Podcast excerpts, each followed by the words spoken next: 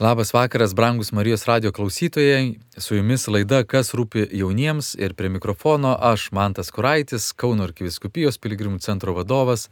Ir mes dažnai turime šitas laidas, kuriuose kalbame apie jaunimą ir kas rūpi jauniems ir apie keliones ir piligrimystės įvairias. Su manim kartu laidoje yra mano nuostabi kolegė, protinga, išmintinga, graži Ingrida Itminavičinė. Labas vakaras. Sveiki. Ir taip pat yra du jauni, nuostabus žmonės, kurie, žinau, dirba Kauno arkiviskupijos jaunimo centre, tai Andrius ir Monika. Labas vakaras. Labas, Mantai. Labai malonu, kad jūs sutikote dalyvauti šitoje laidoje, kas rūpi jauniems žmonėms, nes jūs patys esate jauni žmonės, dirbate su jauniais žmonėmis ir žinau, kad jums rūpi jauni žmonės. Šiandien mes norėsime pristatyti ir pakalbėti apie vieną tokių nuostabiausių piligriminių kelionių jaunimui, kas gali ištikti. Tai yra pasaulio jaunimo dienos, kurios vyksta kas trys metus, jeigu koks nors karantinas mus neužklumpa. Ir jos vyksta arba Europoje, arba kitam žemynė. Taigi pasaulio jaunimo dienos renginys, į kurį atvyksta piligrimai iš viso pasaulio, iš visų žemynų. Pavyzdžiui, artimiausios pasaulio jaunimo dienos, kurios vyks Lisabonoj, žada pritraukti apie pusantro milijono piligrimų. Mums teko būti kitose pasaulio jaunimo dienose, kur, kuriame dalyvavo dar daugiau žmonių. Taigi, jeigu jūs norėtumėte vykti, jeigu norėtumėte išgirsti visą informaciją, klausykite šios laidos iki pat galo, Tačiau pradžioje mes norėtume išgirsti šitų jaunų žmonių pasakojimus, liudijimus, kur jie yra buvę jau, kas tos jaunimo dienos, kur jie keliavo, ką jie patyrė ir kokią Dievo patirtį atsinešė šiandien su mumis pasidalinti. Taigi norėčiau pradėti nuo drąsiausio Andriaus. Andriau, kokia tavo patirtis piligrimystė į pasaulio jaunimo dienas, kur tu esi buvęs, su kuo keliavai ir ką patyrei? Mano patirtis Pati pirmoji buvo nesėkminga patirtis, tai bandžiau keliauti 2011 metais, dar buvo pirmas, tada dar buvau moksleivis ir vienas tiesiog kunigas mūsų mokykloje jisai mokė ir sako, važiuojam. Ir daug iš tiesų mūsų ruošėsi, ėjau į susitikimus, bet kažkas tai įvyko tuo metu, kadangi buvau dar moksleivis, kad tiesiog neišvažiavau, pasirinkau kitą kelionę, rinkausi tarp pasaulio jaunimo dienų ir slidinėjimo tuo metu nugalėjo slidinėjimas, nes nepažinojau ir nežinojau, kas yra pasaulio jaunimo dienos, buvau tik tai girdėjęs vieną ausim, kad toks dalykas vyksta. Nučiužė tavo pasaulio jaunimo dienos, kitaip sakant. Taip, labai teisingai, nes tuo metu, kai vyko vasara tos jaunimo dienos, mačiau nuotraukas ir galvojau, brač, kiek praleidau. Nes mačiau žmonės, mačiau nuotraukas, mačiau begalę žmonių ir visi buvo laimingi. Ir tada 2016 metais vyko Krokovai, jau taip gana tikrai arti. Ir jau buvau studentas, tai sakau, šito tikrai negaliu praleisti. Važiavau su Panežio viskupijos grupe, tuo metu ir Monika tenai, jeigu gerai pamenu, dirbo. Tai va, ir mes vykome dviem savaitėms į Krokovą ir buvo iš tiesų gerai. Tiksliau, ne dviem savaitėms. Savaitę vykome į viskupijų dienas į Varšuvą ir po to vykome savaitę jau į Krokovą. Tai ką tikrai labai man įstrigęs ir, sakyčiau, toks leidas pažinti geriau ir bažnyčią, ir Dievą, įvykis buvo, kad tiesiog nuvykti tenai ir apsistoti šeimose, parapijoje ir tiesiog ta bendrystė, pažinimas tiesiog Lenkų tautos ir kartu ėjimas su jais melstis man toksai buvo įstrigęs ir galvoju, mm, čia yra tikrai geras dalykas, kas mane ir motivuoja ir ateinančias jaunimo dienas dalyvauti. O per pačias jaunimo dienas tai man buvo žinoma, kas nėra dalyvavęs, gal sunku įsivaizduoti, bet tada buvo gal 2 milijonai ir virš 2 milijonų žmonių susirinkę į susitikimą, į mišes su popiežiumi. Mano galvoje tuo metu neišnešė, kokie tai yra skaičiai, nes galvoju, kiek Lietuvoje? 3 milijonai. Kažkada buvo 3 milijonai. Tai gal kažkada va tada ir dar buvo tie 3 milijonai, o tuo metu aikštėje ten sako susirinkę apie 2 milijonus. Ir aš galvoju, kaip įmanoma suburti visą Lietuvą į vieną vietą. Tai man toksai tiesiog yra sunkiai paaiškinamas mano mintise dalykas ir toks nerealus, kad wow, tiesiog yra wow, kaip taip įmanoma 2 milijonų žmonių surinkti įspūdingas įvykis. Ir tu dalyvai mišiose su dviem milijonai žmonių kartu su popiežiumi. Taip, taip, taip.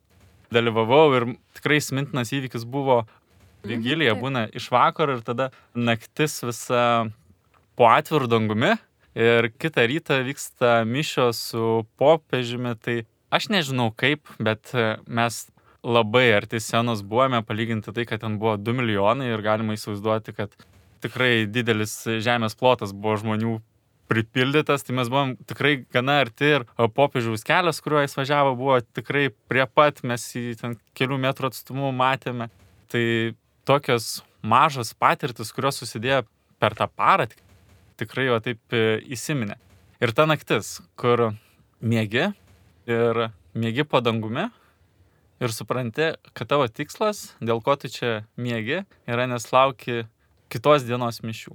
Tai toksai, kur leidžia apmastyti, okei, okay, kas yra tavo gyvenime tikėjimas ir ką tu turi ryštis, kodėl aš miegu čia, na, šitame laukia po atvirų dangumi. Galbūt pradės lyti, jeigu gerai pamenu, ir buvo šiek tiek pradėję krapnuoti, bet dar palyginus nestipriai. Tai vad. Ačiū labai, Andriu. Pasaulio jaunimo dienų sustikimas mes jau supratom, kad tai yra kelių savaičių įvykis, ne? Tai yra ir viskupijų dienos, kur tu atvažiuoji, ruošiesi, gyveni pa žmonės vietinius, paskui tu keliauji į miestą, kur susirenka šiuo atveju 2 milijonai žmonių, kartu būna ir kryžiaus kelias, ir piligrimystė, ir susitikimas su popiežium, vigilija visą naktį. Įspūdinga programa, tikrai, kuri trunka net dvi savaitės. Ir tikslas, kulminacija yra bendros mišios su popiežium, kur popiežius inicijuoja ir popiežius kviečia šitą leisės piligrimystę, tarsi susitikimas su juo vis kitoj pasaulio šaly. Tai ačiū Andriu tau už šitą patirtį, už pasidalinimą. Monika, kokią tu turi patirtį iš savo piligrimystės į pasaulio jaunimo dienas? Galvoju tai, kad labai ankstyva pirmiausia, nes aš jau 2005 metais, būdama moksleivė, keliavau į Kielną, Vokietijoje įvykusias pasaulio jaunimo dienas. Ten mes sutikom su popiežium Benediktu ir aš buvau moksleivė. Taip, jeigu dabar teisybės dėlį reikėtų sakyti, labai mažai prisimenu iš Vokietijos, tikrai pamenu tokius fiziologinius dalykus, kad buvo labai šalta naktis, kad labai lyjo, kad mes miegojom oro uosto e, takuose, ant takų oro uosto. Žodžiu, tokius keistus dalykus ir galvoju, pala, pala, tai viešpatės kažkokio prisilietimo. Man sunku prisiminti. Aš pamenu, kad tai buvo kreizį, tokia keista, įdomi, juokinga su klasiokai, su parapijos jaunimu kelionė, tikrai kelionė. Ir e, man atrodo, kad tiesiog tasik buvo mestas kabliukas į mane, kad aš pamilčiau piligrimystę, susižavėčiau šitą formą ir tada jau pradėčiau pažinti su Dievu. Tai ta pirminė piligrimystė tokia buvo, buvo smagu. Aš vertinu tikrai labai teigiamai ir tokį viešpatės ėjimą, nes tada aš aišku užsikabinau ir žvėriškai svajojau apie 2008 metais vykusias pasaulio jaunimo dienas, bet tas buvo Australijoje, Sidnėjui. Aš pamenu, kad mes man pradėjusios taupyti su draugė pinigus, bet tai buvo gal ten 3000 litų ir atrodė kažkoks neįmanomas dalykas. Tėvai šiek tiek šiaip kurstė šitą svajonę ir visai motivavo, bet vis tiek galų gale toks jausmas buvo, kad, nu, vat, ne, labai brangu, labai toli, ne dabar. Kažkoks toks atidėtas buvo reikalas. Ir tada dar, aišku, 28 metai, tai čia mano buvo abitūra, aš baigiau mokyklą ir stojau universitetą. Tie metai dar tokie buvo irgi sudėtingi. Ir atidėjau iki 2011 metų, kai mes labai gausiai iš Lietuvos keliavom į Madridą Ir įdomu čia irgi, Madride vykusios pasaulio jaunimo dienos, jos buvo irgi labai jaukios, labai šiltos, nes labai šilta šalis. Ispanija tai be abejo labai atviri žmonės, gera, bet vėlgi tokios aiškios Dievo patirties aš čia neužčiapiau, man buvo irgi tai bendrystė šventė. Matyti tą visuotinę bažnyčią, labai jauną ir labai gausią, įspūdingą. Bet dėmesio dar toksai nebuvo taip tikra. Ir kaip keista bebūtų, bet man tikriausia buvo ne kur kitur, bet Lenkijoje.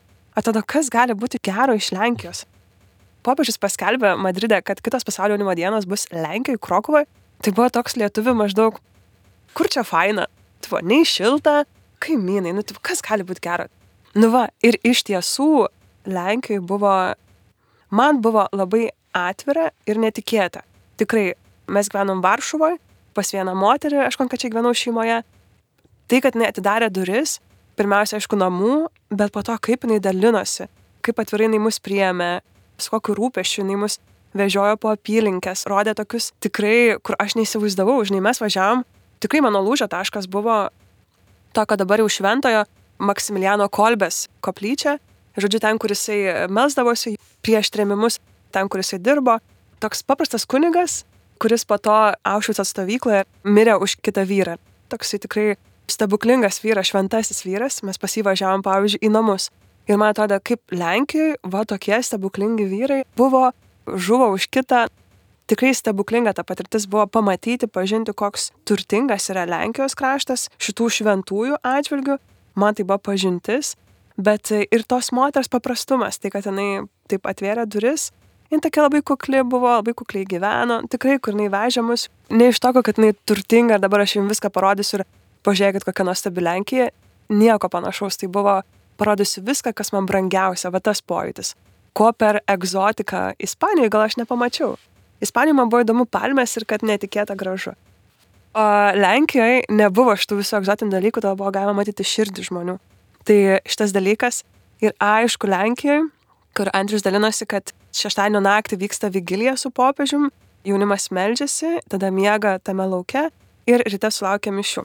Ir per tą vigiliją būna tam tikras skaičius žmonių, kurie meldžiasi labai šalia popiežiaus. Yra tokie padovanojami bilietai kiekvienai valstybei po tam tikrą skaičių ir tu atsiduri labai šalia popiežiaus. Aš tokį kvietimą gavau, buvau labai labai arti. Įspūdingiausia būti ne šalia popiežiaus, bet įspūdinga pamatyti tuos 2 milijonus prieš save. Tai reiškia, kad nėra ribų, tiesiog žiūri į minę, kur nesibaigia. Nu kaip į jūrą žiūrėtum, atrodo, kad nėra kažkokio krašto. Nes mes buvom labai lietuviai arti senos, tai mums nesimatė to gausumo, bet kai ant tos senos mes keli lietuviai užlipom, tai, nu, man ta akimirka, vad vigilija, suvokti susirinkusią bažnyčią ir tokia, kur jinai nutyla. Nutyla 2 milijonai. Kai mes važiavome tai Z ir nutyla 4 tūkstančiai, jau būna wow. Bet kai nutyla 2 milijonai, tai va, tokie širdies dalykai yra, kur jeigu kažkaip esi pasilgęs, sakyčiau, jaunos bažnyčios, tikros bažnyčios, tai pasaulio jaunimo dienos man apie tai. Tai, žodžiu, Krokova man buvo netikėtas atradimas. Paskutinės pasaulio jaunimo dienos ir buvo Krokovo, jeigu neklystu. Klystu. Panamai. Taip, 2019 metais Panamai. 2019 Panamai, tai čia ne Europoje, Europoje buvo 2000 kelintais Krokovai? 16. 16 metais Europoje buvo paskutinį kartą. Įprastai kas tris metus vyksta pasaulio jaunimo dienos, bet dabar dėl pandemijos pasaulinės buvo atkelta. Tai, brangus klausytojai, jau gali truputį susipažinti, jūs truputį jau pajutėt, kas yra pasaulio jaunimo dienos, kur susirenka ne tik daug žmonių, bet tenais ne tik popiežius būna, bet ir įvairiausių patirčių. Ingrida, tavo didžiausia patirtis iš pasaulio jaunimo dienų, dar gal galėtum pripildyti ir papildyti mūsų šitą laidą savo pasidalinimais. Tai pirmos jaunimo dienos, į kurias aš išvažiavau, buvo vat, būtent 2011 m. Madrido piligrimystė, į kurią Andrius negalėjo nuvykti. Aš tuo metu jas važiavau su Vilkaviškiu, ten buvo vienas iš trijų autobusų, mes važiavom 150 žmonių trimis autobusais. Tai buvo pirma mano kelionė į užsienį apskritai, tai va taip trim savaitėm leistis į kelią, nežinomą vietą, nežinant, kur gyvensi, man buvo tikrai toks didelis, didelis nuotykis. Man pirmas turbūt stebuklas apie šitas jaunimo dienas buvo faktas, kad aš apskritai galėjau išvykti, nes mes gyvenom tikrai kukliai su mama bet e, mano dėdė pasiūlė sumokėti už pusę kelionės, o likusią dalį pasiūlė padengti mūsų parapijos klebonas. Tai man buvo visiškas stebuklas, kad aš apskritai atsidūriau tam autobuse. Toks vienas momentas. O šiaip aš šitas jaunimo dienas vykau, aš sakyčiau, ne tai, kad netikinti, bet tikrai nesuprantanti, nei kas tas Dievas yra, nei kas yra bažnyčia. Turėjau tokią minimalią patirtį parapijoje, bet daugiau parapijos žmonių ir bendruomenės, bet tikrai ne Dievo. Tai aš atsimenu, kad iš tų jaunimo dienų labiausiai šventasias mišes, kurios vyko tik su lietuviais, katechezėse, kurios vykdavo kiekvieną dieną. Ir pamenu, kad, žodžiu, kažkas gėdojo giesmę pas mano tėvą Duonas apšy, kuri dabar gal jau tokia labai žinoma, labai girdėta, bet tuo metu man tai buvo visiškai kažkokia nauja, vad, giesmė, nauja patirtis.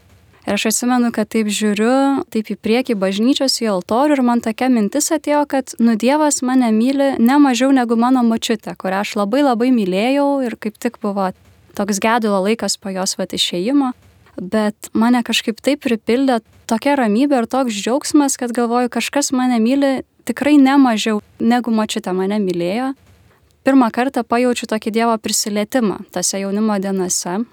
Tai va tą labiausiai atsimenu, apart ten visų tokių techninių dalykų, vigilijos, kuri mums labai nenusisekė, nes šalia mūsų griuvo sena, tai mes turėjom grįžti atgal į savo mokyklą ir ryte iš naujo keliauti tą pačią piligrimystę. Tai aš atsimenu tiesiog didžiulį, didžiulį nuovargį ir kad per tas mišes mes jau visi smiginėjom, nes nu tikrai buvo labai labai sunki naktis. Bet va ta Dievo meilės patirtis kažkaip nurungė man tą prisiminimą. O antros jaunimo dienos, kuriuose dalyvavau, tai buvo taip pat Lenkijoje 2016 metais man tos jaunimo dienos buvo galbūt ne apie Dievo meilę, bet apie bažnyčią ir jos vat, didybę, vieningumą. Man taip pat įstrigo vat, ta masė žmonių, bet netgi labiau ne tai, kad pati masė, bet kaip visi mojuoja vėliavomis, šlovindami. Ir man tokia mintis atėjo, kad galvoju, visos pasaulio tautos klumpa prieš viešpatį ir tikrai regimai, kur, kai skaitau šventajam rašte, atrodo, nu taip čia visi šlovinam viešpatį kai tu matai šimtus vėliavų aplinkui plazdant, skirtingų vėliavų, visus gėdant, nu tas jausmas tikrai kažkaip išneša, suvokiant, kad tikrai, tikrai visos tautos šlovina. Ir kiti tokie du momentai irgi apie bažnyčią, tai man buvo vietinių žmonių svetingumas, kad mus pasitiko visiškai nepažįstamus ir priemė kaip savo vaikus tokie vat seneliai greta Čenstakavos, kurie gyveno viskupijos dienose ir Krokovoje labai jauna šeima su mažais vaikais ir dar vat mus tris merginas priemė gyventi, atrodo, nudalindamiesi tikrai viskuo, ką jie tuo metu turėjo. Man kažkaip atrodo viršyje mano kažkokį sugebėjimą suprasti, kas čia vyksta. Ir dar vienas momentas, tai vad būtent toje vigilijoje būna tokia popiežiaus kalba jaunimui, toks kreipimasis. Jis vyksta italų kalba ir tik tie, kas turi ausinukus, gali girdėti su vertimu į lietuvių ar į anglų kalbas. Ir aš atsimenu, kad nieko nepasėmiu su savim, nieko neturiu ir galvoju, tai ką man dabar daryti. Italų ten moku dešimt žodžių, galvoju, nieko čia nepadės. Ir šalia stovėjo tokia moteris, kuri buvo net nežinau iš kokios šalies, gal iš Kanados, kad kažkur iš, žodžiu, Pietų ar Šiaurės Amerikos. Ir net taip žiūri į mane, sako, gal tau reikia ausinės, aš turiu dvi, galiu duoti vieną, galvoju. Gerai, Ir mes taip kartu klausėmės tos popiežiaus kalbos, prie jos vis ateina žmonių, Lenkų ir sako labai jums ačiū už jūsų liudijimus, labai jums ačiū už jūsų liudijimus, gal kas čia vyksta. Aš taip ją atsimenu, atsisuku, sakau, atsiprašau, kas jūs tokia. Tai ta moteris pasirodo kiekvieną dieną 10 ar 20 metų eina į aborto klinikas ir kalbasi su moterimis apie jų pasirinkimus. Ir jinai atvyko vat į Krokovą savaitę ar dviem anksčiau liudyti mokyklos, organizacijos ir taip toliau apie šitą patirtį, kiek jinai kartų buvo suimta. Ten, žinokit, kosmosas buvo ir aš taip atsisuku galvoju, jeigu ne, va šitas renginys, pirmą aš gyvenime jos nebūčiau sutikus, antrą tai galvoju, kad mes bažnyčiai turim tokių turtų ir tokių lobių, kiekvienas savy. Ir vad sutikti žmonės, kurių jokiomis kitomis aplinkybėmis aš tikrai nesutikčiau ir kažkaip vienybėje vad laukti tų mišių, dalyvauti toj vigilijoje, aš jaučiau, kad tai yra turtas, kurio negaliu suprast, bet va tos jaunimo dienos man buvo absoliučiai apie bažnyčios grožį. Ačiū Ingrida. Lenkija paskutinės Europoje, pasaulio jaunimo dienos. Prieš daug, daug metų aš keliavau į Teize vienuolyną ir man atrodo pirmą kartą tenais kreipiausi į Jėzų, susipažinau su tokiu žmogumi, paskui sužinau, kad jis ir Dievas yra Ir mano buvo tokios pirmos maldos, tokio piligriminė kelionė į Teize. Paskui man po truputėlį pradėjo pasakot, kas yra Jėzaus tėtis, toks Dievas kaip tėvas.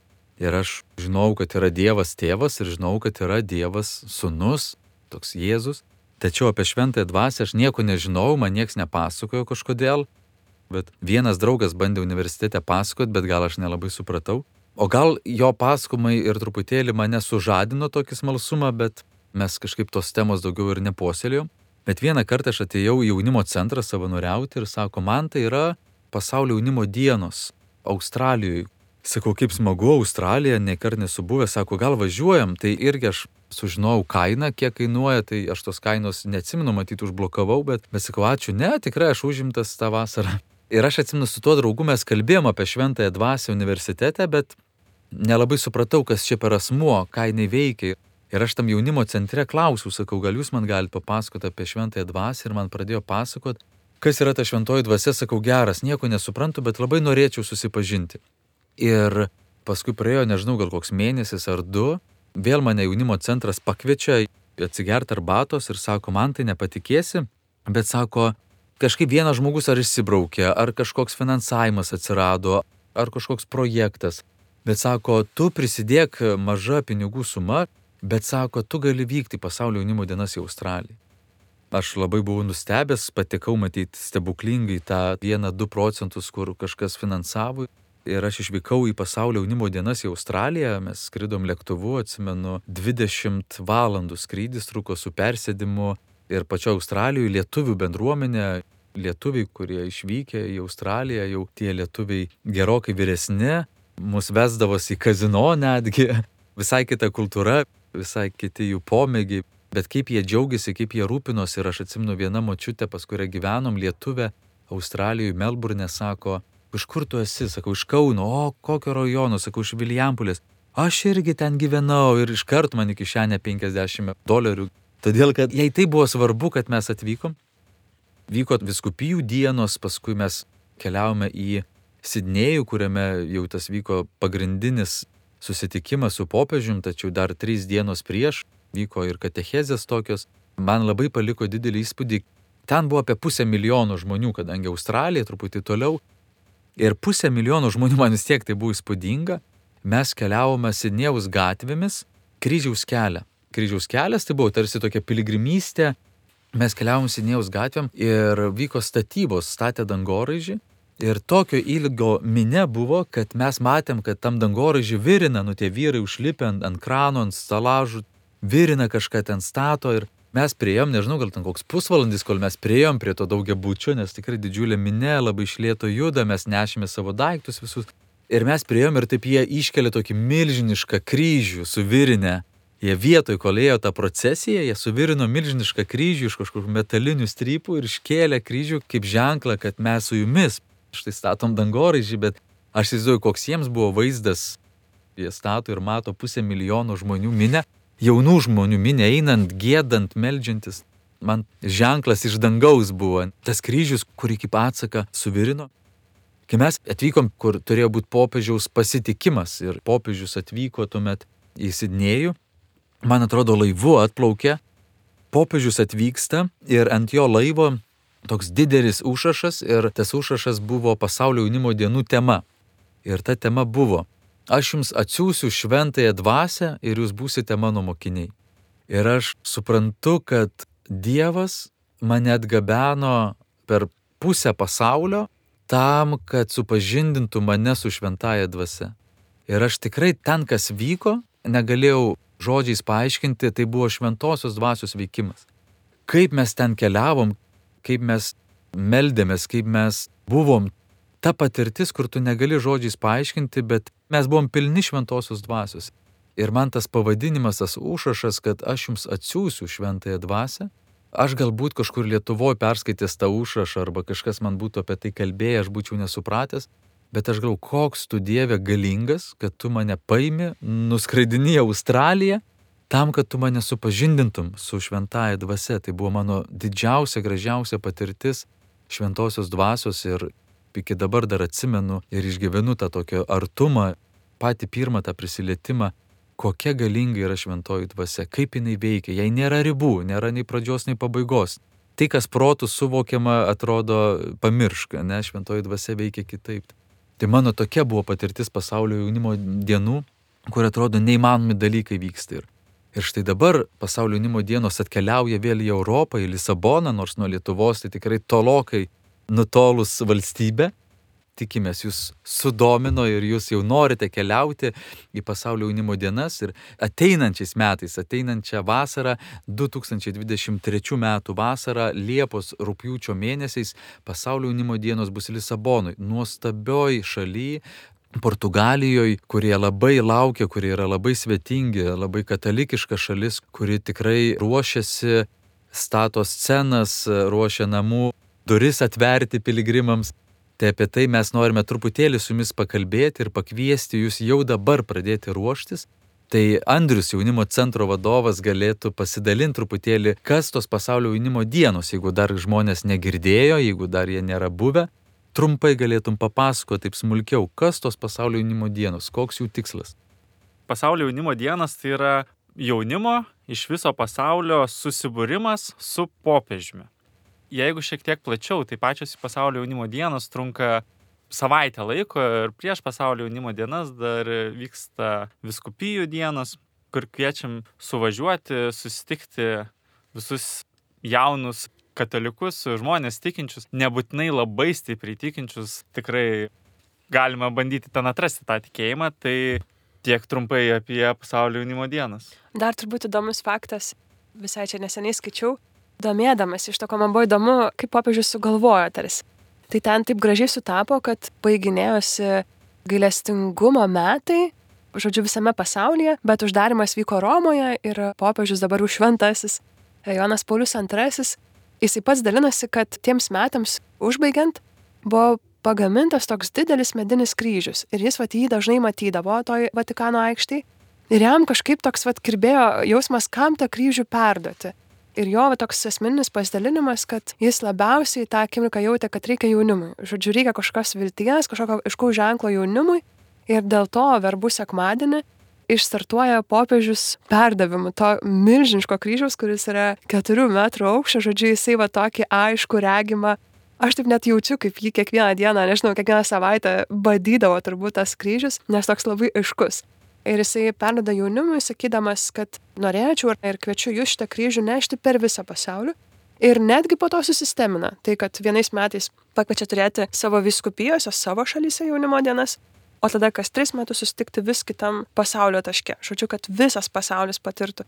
Ir iš tiesų tas kryžius jau daug metų keliauja per pasaulį įspūdinga, šitas kryžius šiaip buvo Lietuvoje. Aš tik nepamenu, gal 2015 man atrodo metai buvo prieš Krokovos jaunimo dienas. Jis iš tiesų keliauja ir va toksai popiežiaus noras, perdavimas ir įvyko. Tai tos pasaulio jaunimo dienos irgi bandžiau ieškoti fakto, ar tai yra didžiausias renginys kaip renginys.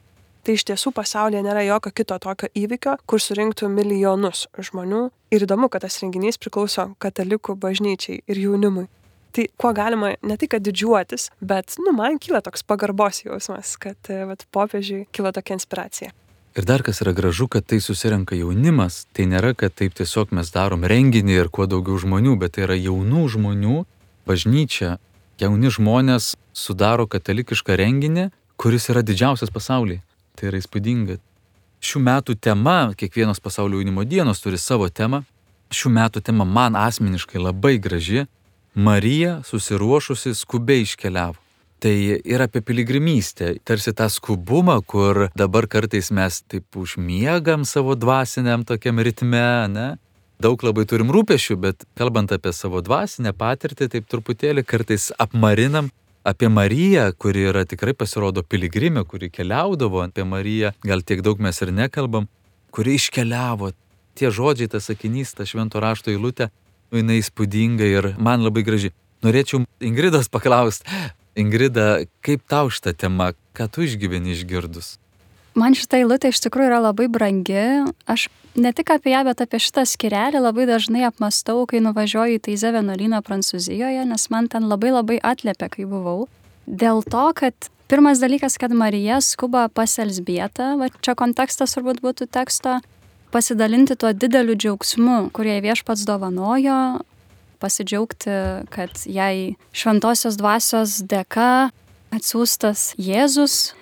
Tai atrodo toks kvietimas išskubėti kartu pasidžiaugti, kažkokį didžiulį, didžiulį džiaugsmą kartu išgyventi ir atrodo jaunimo dienos man tikrai yra toks skubėti, kartu džiaugti, susiburti kartu su kitais jaunais žmonėmis kartu pasitikti viešpatį, nes Marija nu čia laukia Jėzaus ir aš manau, kad mes visi kaip piligrimai susibūrėm tam, kad paruoštumėm savo širdis būtent tam Jėzaus ateimui ir mišiuose ir apskritai savo gyvenimuose.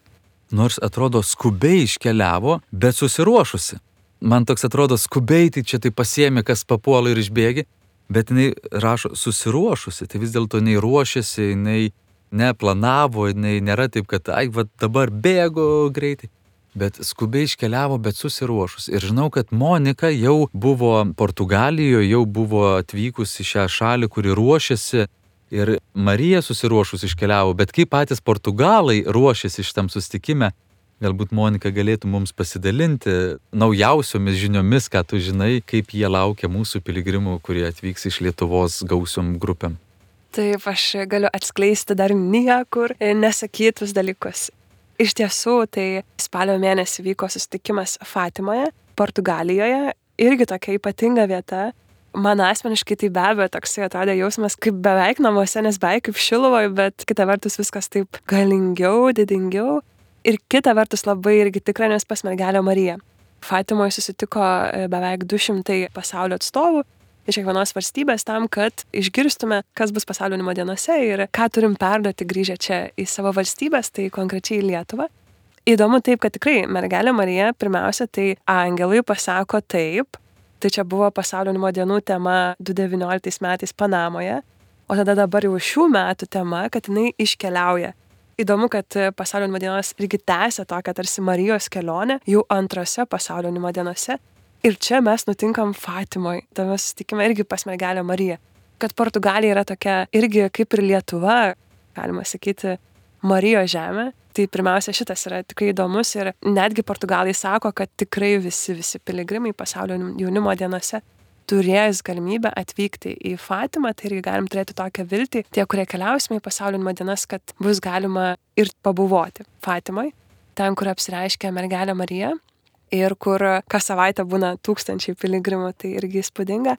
O patys portugalai čia taip gražiai Ingrida gal pakabino, kad Marija keliauja pas Elsbietą pasidžiaugti tai kad irgi yra pas ką keliauti, nes mūsų labai laukia. Portugalai tikrai jau tvarko, mums rodė, kaip jie stato naujas autobusų stoteles, stato sceną, kurioje sustiksime su popiežiumi, kur popiežius melsis kartu su mumis viską ten daro, tai irgi labai įdomu matyti, kad miestui staiga vat prireikia papildomų autobusų stotelių, nes atvyksta papildomai, tikimasi pusantro milijono žmonių tai be abejo, kad infrastruktūra reikalauja pokyčio, nes Lisabona yra tokios siauros gatvelės ir kažkaip reikės šitą visą minę suvaldyti, jai padėti būti piligrimystėje. Tai tikrai portugalai ruošiasi, yra labai atviri. Kas dar yra įdomu, tai kad Portugalija sudaro net 16 viskupijų. Tai jeigu Lietuva sudaro 7, tai jausmas toks, o wow, 16. Gal norėčiau tik patikslinti 20 viskupijų. 20? Nes yra dar, prisiminkim, Azorų salos ir Madeira. Ai, taip, dar salos. Gal 16 viskupijų, kurios priema. Taip, 16, kurios priima. Žodžiu, yra įspūdingai didelis plotas, laukiantis. Ir šitos viskupijos irgi jau krūta juda. Tai portugalai, nepaslaptis, prieš tai buvo pandemija. Ir jau prieš pandemiją jie buvo pradėję ruoštis pasaulinimo dienom. Tada jaunimo dienos buvo atkeltos, jų pasiruošimas išilgėjo. Tai čia galima nujausti, kiek jie jau laukia laiko ir be abejo, kad nuo to pasiruošimas yra tik intensyvesnis ir jie tikrai ilgai svajoja. Jau skamba pasaulio dienų himnas, jau yra pasaulio dienų logotipas. Tikrai mes galime matyti jau gausiai nuotraukų iš Portugalijos, kaip žmonės iš tiesų ruošiasi, ruošia savo šalį, savo namus, savo širdis tam susitikimai tikrai viskas jau daugmaž yra aišku. Mes žinome dienas, kada konkrečiai esam laukiami Jeigu taip kalbėtume apie pasaulio jaunimo dienas, tai jos reikėtų žymėtis rūpiučio 1 ir 6 dienas. Tai čia bus tokia rimtoji savaitė Lisabonai. Bet jeigu pavyktų išsvajoti dar kai kuriems tą savaitę prieš, kurią mes kalbėjom ir dalinamės viskupijų savaitę, tai dar savaitėlę prieš rūpiučio pirmą dieną. Tai šitos dienos irgi yra apibrieštos jau. Gal truputėlį, Monika, galėtum papasakot programą, kas vyksta tą savaitę laiko Lisabonoje, ne, tuose mhm. pačiose pasaulio jaunimo dienose, kur trunka savaitę laiko, Lisabonoje, sostiniai, kur atvyksta popiežius, jeigu trumpai kiekvieną dieną, ar yra paskirstyta, ar yra kažkokia programa? Čia yra super gerai, nes pasaulio jaunimo dienų formatas nesikeičia. Tai yra tikrai visada žinai, kad bus taip pat labai aišku. Tai keičiasi aišku turinys, skirtingos šalis, bet dėmesio forma nesikeičia. Mes atvyksime pirmadienį jau į pačią Lisaboną, ten įsikursime ir nuo antradienio tris dienas susitikinėsime su savo šalių atstovais. Tai reiškia, kad kiekviena valstybė turės tam tikrą vietelę, kur ryte susitiks su savo viskupais. Dėmesio toks visai dar negirdėtas gal dalykas, bet jau iš Lietuvos trys viskupai ruošiasi keliauti, tai mes tikrai turėsime ir su skirtingais viskupais susitikimus. Bet ryte susitiksim vat, visą lietuvėlę, tai kiek mūsų bus atvykusių į Portugaliją, antradienį, trečiadienį ir ketvirtadienį bus tokie lietuvių susitikimai. Tada ja. pietus, kas vėlgi yra fantastiška, Tai čia irgi super yra pasaulio jaunimo dienų atradimas. Jie tiesiog duoda bilietus, užsako beveik visus restoranus, visas maitinimo įstaigas tame mieste ir tu gali rinktis. Ar tau fainai, žinai, ir gerai nueiti pavalgyti McDonald'ą, ar tu palauksi eilutėje pas kokius benediktinus, vienuolyno ten kokią virtuvį pavalgysi, ar tu nueisi tokį ir kitokį restoraną, ar net ten žuvies, pavyzdžiui, Lisabonai prie vandens. Žodžiu, tai papietauji, išsirinkdamas laisvai pagal bilietuką, kur tu nori valgyti. Ir tada yra antroji dienos dalis, tai yra jaunimo festivalis. Jis vyksta irgi tas tris dienas. Ir tu vėlgi turi žemėlapį, kur kas vyksta. Gali tai būti koncertai, gali tai būti spektakliai, galbūt paroda, galbūt aplankysi Fatimą, nuvažiuosi iki kažkokios ypatingesnės vietos. Pati Lisabona yra ant vandenino kranto, ne? tai gali būti kažkas prie vandenino, maudynės, vasara, 35 tai, laipsniai šilumos. Tai. Lisabona yra, pavyzdžiui, keramikos miestas, tai tu gali nueiti pažiūrėti, kaip įspūdingai atrodo visos gatvės, kurios yra plitelėmis išklijuotos. Tai įspūdingi vaizdai, pažinti patį miestą, pasivaikštinėti, gali eiti į programą. Manau, kad ir programai bus tikrai ir muziejai, visokios parodos, pažintis ir su miestu, ir su kultūra, ir su religija.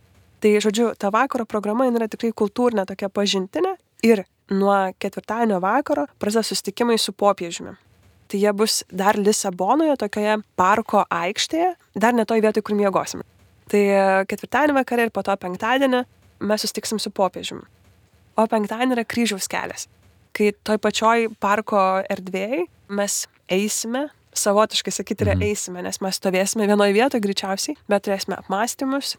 Tai būna irgi labai sudėtinga net papasakoti, bet tai būna teatriniai sprendimai, žmonės vaidina, sako savo liudijimus.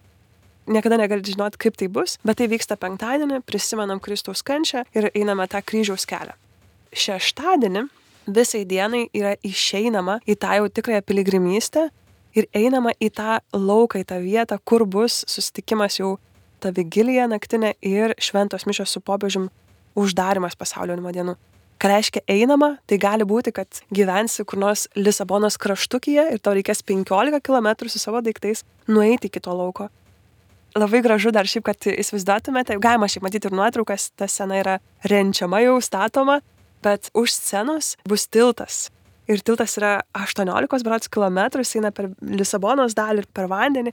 Nu, žodžiu, toks irgi labai netikėtas galbūt mūsų akiai vaizdas. Tai tokia labai karšta vieta, nes vasarą greičiausiai bus tikrai karšta ir tas vanduo ten gaivinantis. Ant tokio vandenino kranto bus naktis, kur mes miegosim ir ryte sekmadienį švesime šventas mišes. Tai yra kulminacija, uždarimas ir paskui jau keliausim į savo autobusus, į savo, savo apgyvenimo vietas ir kelionę namo. Tačiau jeigu kažkas norėtų patirti dar didesnį portugalų galbūt svetingumą ir pažinti dar labiau pačius portugalus, yra viskupijos dienos ir tai irgi trunka savaitę laiko nuo 26 Liepos, kur galima atvykti ir būti iki rūpjūčio pirmos dienos. Labai trumpai, keliais sakiniais, kas vyksta viskupijų dienose, Monika. Mhm. Tai kai mes sakom, kad gyvenom šeimose, tai dažniausiai tai ir vyko viskupijų dienose. Tai reiškia, kad mažesniu masteliu mus pasitinka tos vietos ar ne gyventojai, greičiausiai įsileidžia į savo namus arba kažkas bendruomenės ir vyksta labai panaši programa. Tai reiškia, ryte dažniausiai būna parapijų užsiemimai, o po pietų būna didesni tokie susitikimai, kur visa daugmaž viskupija susitinka. Tai gali būti ten iki kelių tūkstančių žmonių, kurie turi koncertą, pasirodymą, žodžiu, tokia irgi visą laiką, kiekviena diena yra planuota ir organizuota, tik tai, kad jausmas, ar ne, čia gal kad tai palygintume. Jau kai Lisabonai susitiksime, tai sužasime visi iš visų viskupijų, mhm. ar ne? O viskupijose mūsų bus šiek tiek mažiau, tai reiškia, kad mes galėsim patirti tą tokią vietinę bažnyčią. Jaukumą tokį. Ir ta viskupija jau ruošiasi, jau jie ten, kiekviena viskupija turi savo programą ir tokio jaukumo, e, artimesnio ryšio, ne tokio intimumo. Pažinti. Lisabonai greičiausiai mes tiek Portugalijos nepažinsim. Taip, taip. Bet vat, viskupijose mes galim taip autentiškai pačiupinti. Kadangi laida mūsų visiškai jau eina į pabaigą, mes turime kelias minutės ir jeigu aš susidomėjau, jeigu man įdomu, gyvenu Lietuvoje ir norėčiau keliauti, tai kokios yra galimybės keliauti? Pirmiausia, tai mes tikrai jau girdime, kad kai kur krepžda ir klebonai, tai parapijos, tai tikrai reikėtų pasižiūrėti iš šalia savo, savo dešiniai, savo kairiai esančią parapiją ir pasiklausti, e, dėmesio klebonė, Algirdai, ar važiuojam, ar organizuojam grupę, ar ne? Tai pasiklausti, ar tikrai jūsų parapijoje nejuda niekas, arba pajudinti, o gal mokykloje, o gal universitete girdėjom, irgi universitetai ruošiasi, ar ne, akademinės jėlovados, pasižiūrėti, kur arčiausiai grupė. Ir e, susivedus jaunimodienos.lt galima užsiregistruoti šitą grupę, ar ne, vyksta jau registracija, čia jeigu dalyvauti. Dar gali savanoriauti, gali užsiregistruoti savanorystiai, tai irgi yra puikia opcija patirti dar plačiau jaunimo dienas, išvažiuoti žymiai anksčiau, gyventi ten mėnesį arba du ir būti savanoriu. Tai Apie yra savanorystę irgi galima rasti jaunimo dienos.lt puslapyje, kaip, kaip tai galima padaryti. Uh, nuvykti pasaulio jaunimo dienas galima įvairiais būdais, tačiau mes jau dirbame keli mėnesiai iš tų klausimų ir, ir mes norėtume pasiūlyti, jeigu aš neklystu, kelis variantus. Tai e, žinoma, kreiptis į savo parapiją, savo organizaciją, bendruomenę, kaip sakė Monika, ir galima keliauti autobusu. Galima užsakyti autobusą ir keliauti autobusu, tik tik Portugalija yra toli, 4-5 dienos kelionės. Įsivaizduokite, jeigu dar 20 dienų, 2 savaitės būnate ten 14 dienų, ne, 2 savaitės būnate Portugalijoje ir dar penkios dienos grįžti. Tikrai ilgas laikas, bet um, galima keliauti autobusu. Viena dar yra galimybė važiuoti autobusiukais, mažais autobusiukais, tokį daryti Europos kelionę ir, ir mes tikriausiai pasiūlysim vieną tokią galimybę pasimti, išsinuomoti mažus autobusiukus, kartu keliauti su jais, aplankyti Europos vienuolynus ir nuvykti pasaulio jaunimo dienas. Vienas minusas irgi tai yra il- ilga kelionė. Kitos galimybės yra skristi lėktuvu. Ir mes jau turime 65 lėktuvo bilietus e, rezervavę, e, ne, keliauti iš, e, iš Vilniaus į Rygą, iš Rygos skristi į Porto miestą ir, ir tada būti savaitę laiko biskupijos dienose ir keliauti Lisaboną. Arba yra kita galimybė skristi tik į pasaulio jaunimo dienas tą savaitę laiko. Tai, tai mes jau esam rezervavę, sakau, apie 60 bilietų, kitos biskupijos, galbūt kiti, kiti centrai irgi turi kažką rezervavę. Tai, tai galimybių yra įvairių - skristi lėktuvu, keliauti autobusu, važiuoti savo mašiną arba autobusiukais. Tikrai įvairiausių galimybių yra. Kaina, jeigu, jeigu va štai mes gavom žinutę tiesioginė meterį, kad kiek, kiek kainuoja, tai kaina, e, sakome, mes yra nuo 800 eurų. Nes patys lėktuvo biletai nuo 4-500 eurų kainuoja, nes Portugalija yra labai toli. Tai galbūt galima ieškoti su persėdimais per, per, per Londoną, per, per kitas e, valstybės, tai galima ir pigiau ras, bet apie 4-500 eurų yra pati kelionė su bagažu, su, su, su viskuo.